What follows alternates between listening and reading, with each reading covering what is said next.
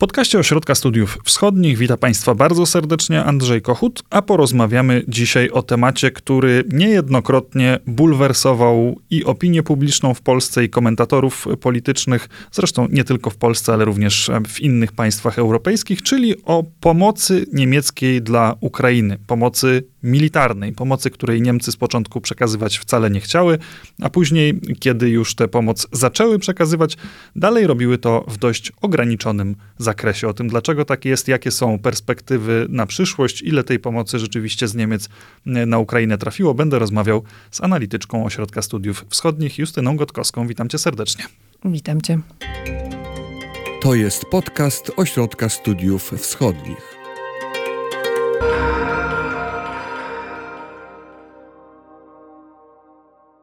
Ten opór niemiecki początkowy był wręcz przysłowiowy. Te informacje o hełmach, które Niemcy przekazały w momencie, kiedy inne państwa przekazywały już broń ofensywną, pojawiały się wielokrotnie. Niemniej jednak w Niemczech doszło do pewnego przełomu już po inwazji, po początku inwazji rosyjskiej na Ukrainę i część um, uzbrojenia, które na Ukrainę z zachodu trafiły, trafiło właśnie z Niemiec. Jak duża była to pomoc? E, rzeczywiście przejdźmy, czy rozpocznijmy może od tego oporu, o którym wspomniałeś. E, Niemcy prowadziły do e, początku wojny taką politykę niedostarczania broni Kijowowi i motywowały ją tym, że taka polityka może zaognić kryzys rosyjsko-ukraiński, może przyczynić się do eskalacji tego kryzysu, ale niezależnie od tej polityki wojna wybuchła. Kryzys wyeskalował. Kryzys wyeskalował mimo niemieckich wyobrażeń e, na temat tego, e, co e, ten kryzys, czy, czy do tej wojny może doprowadzić. 27 mm, lutego w Bundestagu kanclerz Olaf Scholz miał to znane przemówienie, mm, w którym zapowiedział zmianę niemieckiej polityki w wielu obszarach, również w tym obszarze dostaw broni dla Ukrainy. I w kwietniu, w marcu rzeczywiście Niemcy rozpoczęły rozpoczęły dostawy takiej broni. Była to przede wszystkim e, broń lekka, zestawy przeciwlotnicze e, krótkiego, bardzo krótkiego zasięgu, granatniki przeciwpancerne, miny przeciwczołgowe, granaty ręczne, karabiny maszynowe, amunicja.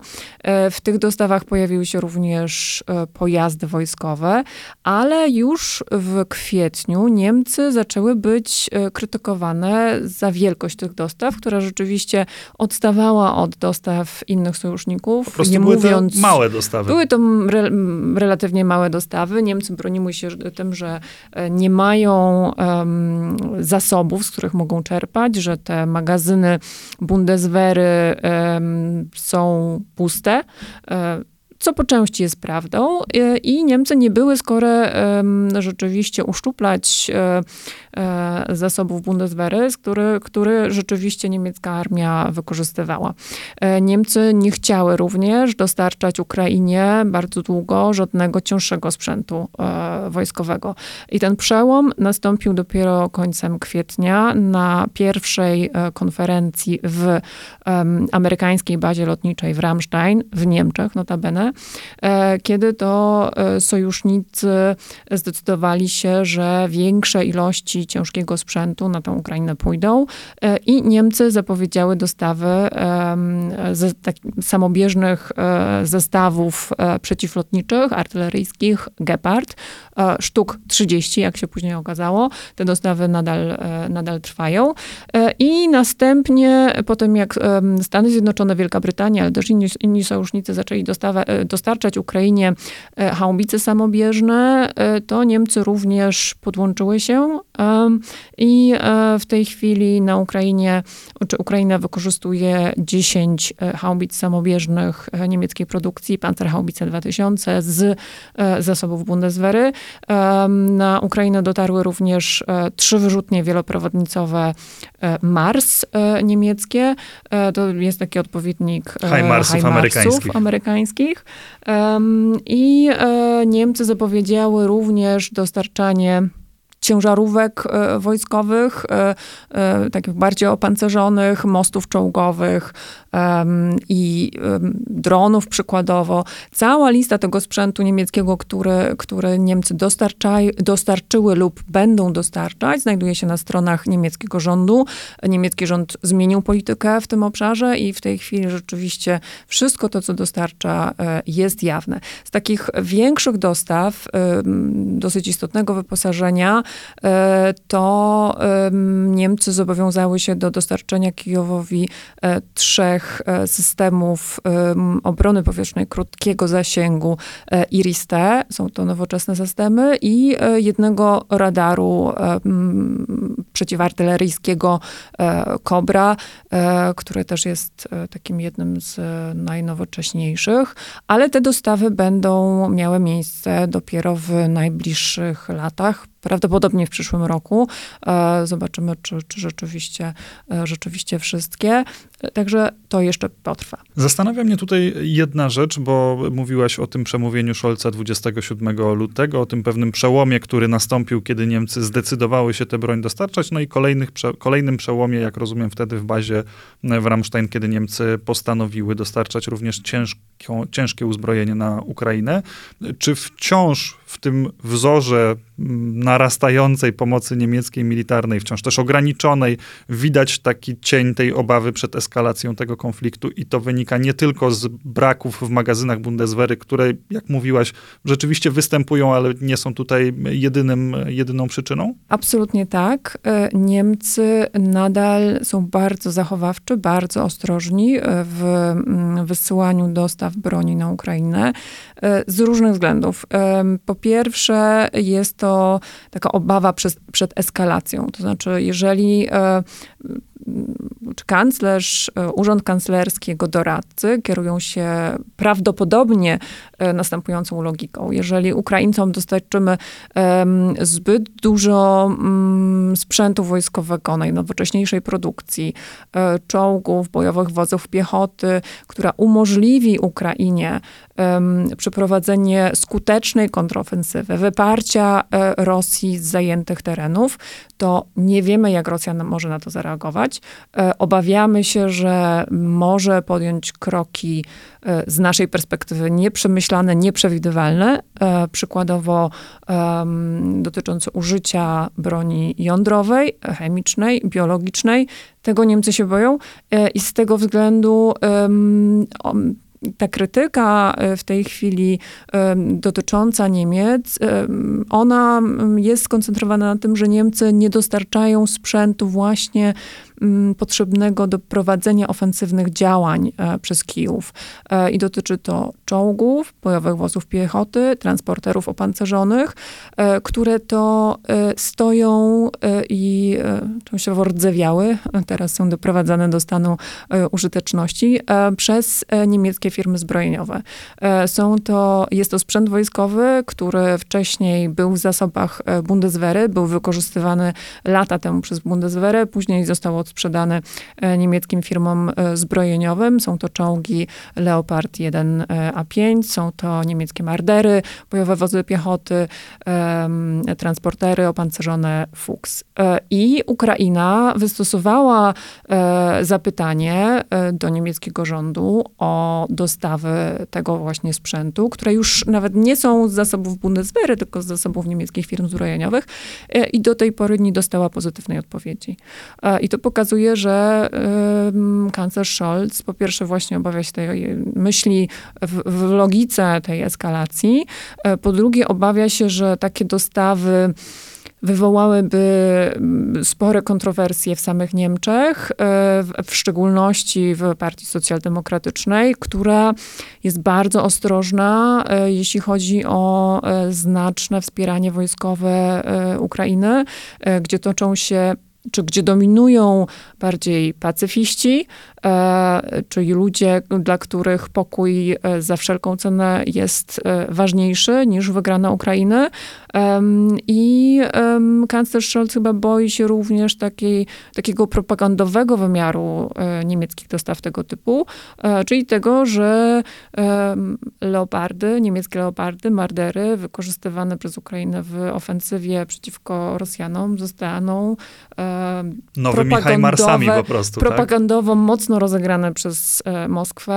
e, przeciwko obecnemu rządowi i przeciwko samemu kanclerzowi. Ale też, jak rozumiem, mogłyby się stać takim symbolem tego ukraińskiego oporu, tak jak właśnie e, amerykańskie Hajmarsy, czy wcześniej Javeliny, które no, pojawiają się i w memach, i w takim ogólnym przekazie, czy tureckie Bajraktary na przykład. Rozumiem, że tego efektu Niemcy też chcą uniknąć. Ab absolutnie. To znaczy Niemcy, które no, do 27 lutego w ogóle nie chciały dostarczać broni Ukrainie. E, Niemcy, czy rządząca socjaldemokracja, dla, których jest to, dla której e, te dostawy ciężkiego sprzętu są ogromnym problemem, no absolutnie nie chciałyby takiej sytuacji, gdzie to niemiecki sprzęt wojskowy, leopardy, mardery, fuksy, stałyby się symbolem ukraińskiej ofensywy przeciwko Rosji. Rosji, którą, e, wobec której Niemcy nadal czują um, pewne poczucie winy związane z e, II wojną światową, ze zbrodniami e, niemieckimi e, wobec Związku Radzieckiego, chociaż jest to, jest to dosyć zafałszowany obraz historii, ale e, jakby większość Niemców e, ma e, w głowach taką właśnie przez lata kształtowaną politykę historyczną w Niemczech i, i to poczucie winy wobec Związku Radzieckiego, a później wobec Rosji, a niekoniecznie wobec Ukrainy e,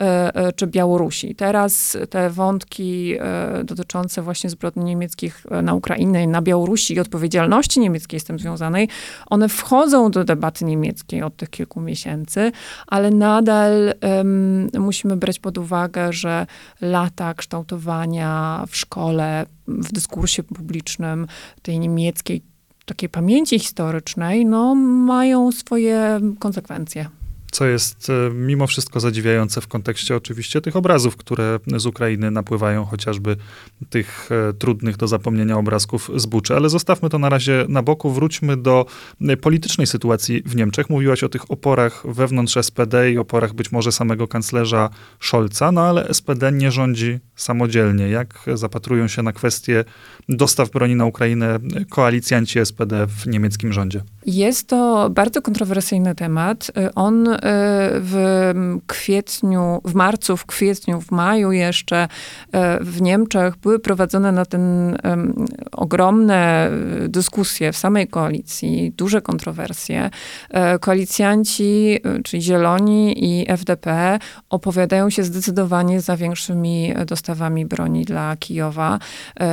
Tutaj przodowali w tych apelach do kanclerza przewodniczący trzech komisji. Komisji komisji w Bundestagu, Komisji do Spraw Obrony, e, Maria Agnes Strack-Zimmermann z FDP, Komisji do Spraw Europejskich, Anton Hofreiter z, e, z Partii Zielonych, a i nawet mamy w tym gronie niektórych posłów SPD, e, takich jak Michael Roth, który jest szefem Komisji do Spraw Zagranicznych. Ta trójka od początku wojny zaczęła się opowiadać za dużymi, znacznie większymi dostawami, znacznie większym wsparciem wsparciem wojskowym e, dla Kijowa. E, I te apele e, trochę się zmniejszyły w czerwcu, bo Niemcy, czy, czy Urząd Kanclerski zdecydował się na, na dostawy haubic, czy właśnie wspomnianych gepardów. I wydaje się, że ponieważ te kontrowersje w debacie publicznej naprawdę były spore, to wydaje się, że była dyskusja pomiędzy trzema koalicjantami i kanclerz y, uderzył stół i powiedział, że jeżeli chcemy, chcecie kontynuować koalicję, no to może trochę ciszej. E, te dyskusje odżyły trochę końcem sierpnia. E, pojawił się taki, znacz, e, taki znaczący artykuł kolejnych trzech posłów e, z koalicji, czyli SP, SPD, FDP, Zielonych, już innych, ale też zajmujących się kwestiami obronnymi. I on rozpoczął debatę znowu w Niemczech. I znowu pojawiły się głosy ze strony FDP, nawet e, frakcja przyjęła stanowisko, opowiadając się za dos- z większymi dostawami e, ciężkiego sprzętu, za dostawami z Bundeswehry. E, Zieloni przygotowują ponoć e, stanowisko na swój zjazd partyjny, mm, opowiadając się za tym samym, a ze strony SPD słyszymy głosy, że z Bundeswehry nie, nie mamy już czego dostarczać, bo inaczej osłabimy niemiecką armię, która nie będzie w stanie wypełniać zobowiązań so- sojuszniczych, E, a ponadto przecieki medialne e, wskazują, że większość SPD opowiada się za tym, żeby kanclerz zamiast dostaw broni rozpoczął jakąś inicjatywę dyplomatyczną, która miałaby doprowadzić do zawieszenia broni i e, negocjacji pokojowych między Rosją a Ukrainą.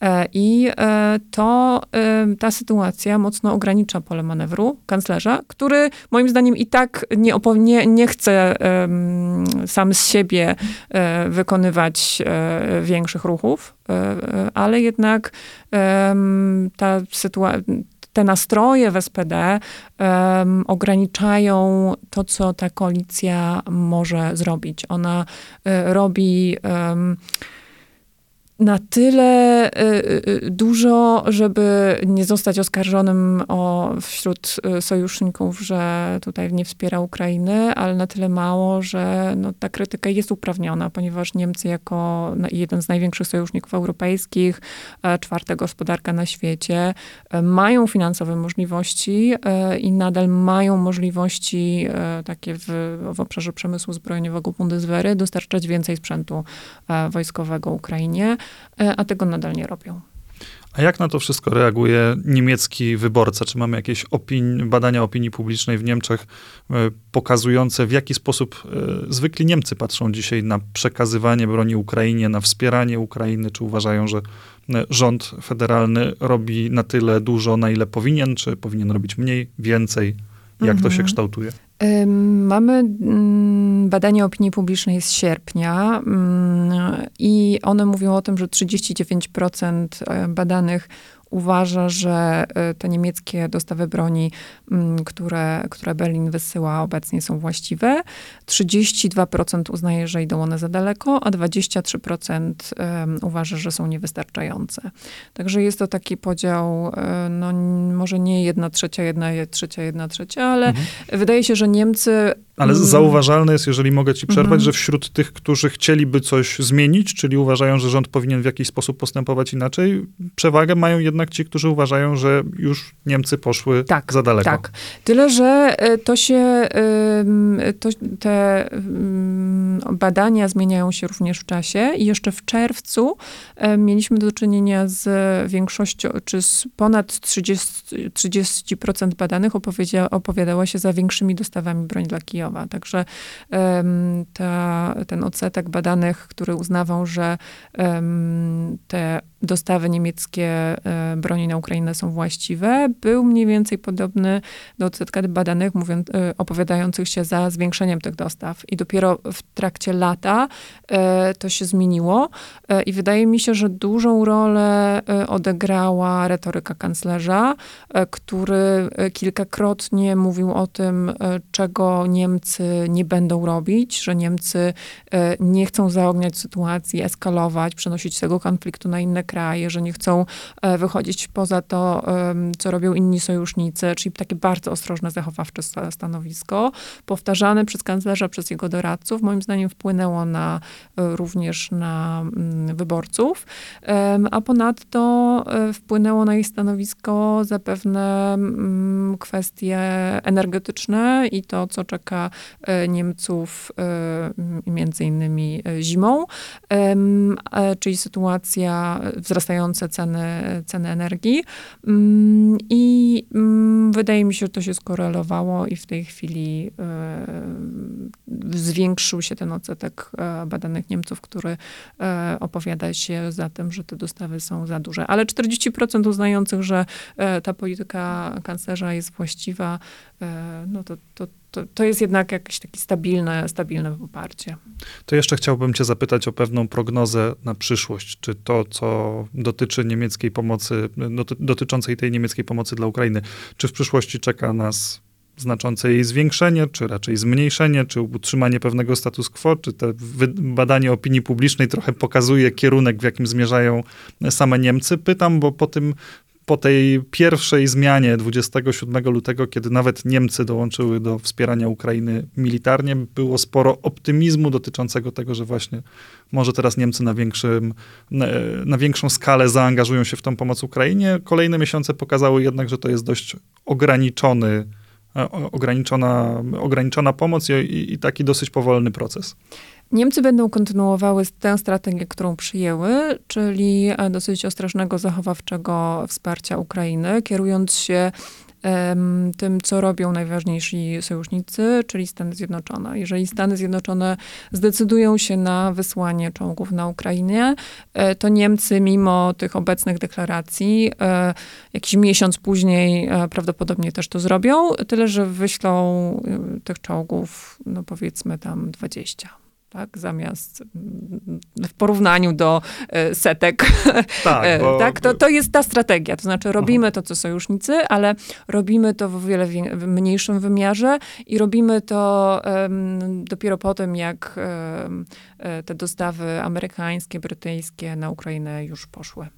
Tu zresztą możemy się odwołać na momencik do e, Twojej analizy, która pojawiła się na stronie Ośrodka Studiów Wschodnich. Oczywiście zachęcamy do lektury. Tam się pojawia takie zestawienie e, wartości tej pomocy militarnej, jaką przekazały konkretne państwa, i to chyba też dosyć dobrze oddaje skalę pomocy niemieckiej na tle właśnie amerykańskiej, czy brytyjskiej chociażby, czy polskiej. E, tak, to prawda, warto o tym wspomnieć, e, żeby sobie zobrazować, że e, Niemcy wcale tak mało nie, nie wydają, nie pomagają, ale tak dużo też wcale nie.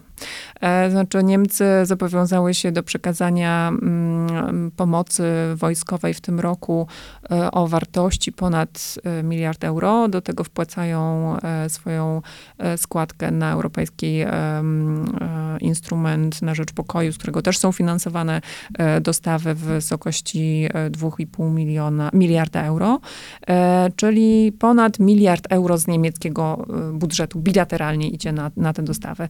Czy to z, z zasobów Bundeswehry, czy za te pieniądze Ukraina może sobie kupić broń w, czy u niemieckich firm zbrojeniowych, jeżeli dostanie na to pozwolenie, pozwolenie ze strony kanclerza. E, dla porównania, oficjalne dane amerykańskie mówią o e, ponad 13 miliardach e, pomocy od zeszłego roku. ze strony Stanów Zjednoczonych. Ze strony Sta Stanów Zjednoczonych. Brytyjczycy wydali ponad 2 miliardy funtów, czy prawie 3,27, prawie 3 miliardy funtów, a Polska, oficjalne dane to miliard 800 milionów e, euro. euro pomocy wojskowej dla Ukrainy. No tutaj warto też zaznaczyć o różnicę potencjału gospodarczego pomiędzy tymi państwami, bo Polska przekazująca taką pomoc, czy któreś z mniejszych państw, na przykład państwa bałtyckie, na, na taką skalę, na jaką mogą sobie pozwolić, to jednak jest zupełnie innego rodzaju obciążenie niż te, na które decydują się Niemcy. E, to prawda i jeżeli spojrzymy mm, na e, pomoc wojskową wyrażaną w, jako udział w PKB, e, to na czele listy mm, takich największych donorów plasuje się Estonia, później Łotwa, Polska, Czechy, Litwa, E, Słowacja e, i Norwegia. Stany Zjednoczone oczywiście e, przekazują najwięcej tej pomocy, pomocy ale, ale też są najpotężniejsze na, gospodarczo. Tak, ze względu na, na jakby ogromną amerykańską gospodarkę, to rzeczywiście plasują się trochę, trochę niżej. Bardzo Ci dziękuję za tą rozmowę. Justyna Gotkowska z Ośrodka Studiów Wschodnich, analityczka zajmująca się obronnością, była dzisiaj gościem podcastu.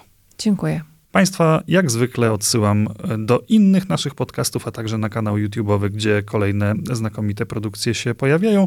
No i tak jak już wspominałem, na stronę ośrodka, gdzie analizy, również ta analiza dotycząca niemieckiej pomocy dla Ukrainy e, się znajdują. Kolejne teksty się pojawiają niemal każdego dnia. Andrzej Kochut, do usłyszenia.